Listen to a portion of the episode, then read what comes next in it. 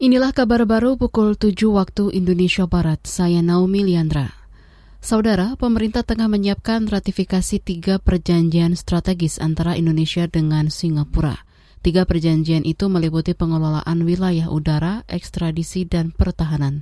Menteri Koordinator Politik Hukum dan Keamanan Mahfud MD menuturkan perjanjian tersebut bakal menguntungkan kedua negara terutama dalam penegakan hukum.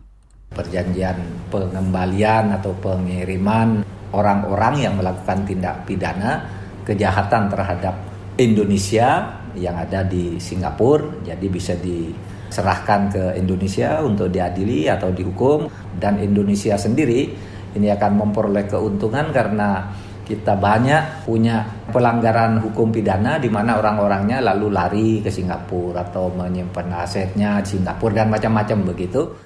Menko Polhuka Mahfud MD menambahkan dua perjanjian yakni ekstradisi dan pertahanan akan diratifikasi di DPR, sedangkan perjanjian pengelolaan wilayah udara akan diratifikasi dengan peraturan Presiden. Beralih ke informasi olahraga. Bayern Munchen nyaris kalah dari RB Salzburg pada laga leg pertama babak 16 besar Liga Champions. Salzburg yang bertindak sebagai tuan rumah gagal unggul lebih dulu di menit 21 lewat gol junior Adamu. Sayangnya kemenangan yang sudah di depan mata gagal dipertahankan Salzburg. Mereka kebobolan di menit ke-90 lewat gol Kingsley Coman. Skor berakhir imbang satu sama. Di partai lain Liverpool sukses menundukkan Inter Milan 2-0 di kandang lawan.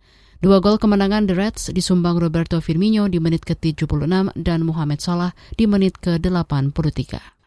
Demikian kabar baru KBR, saya Naomi Liandra.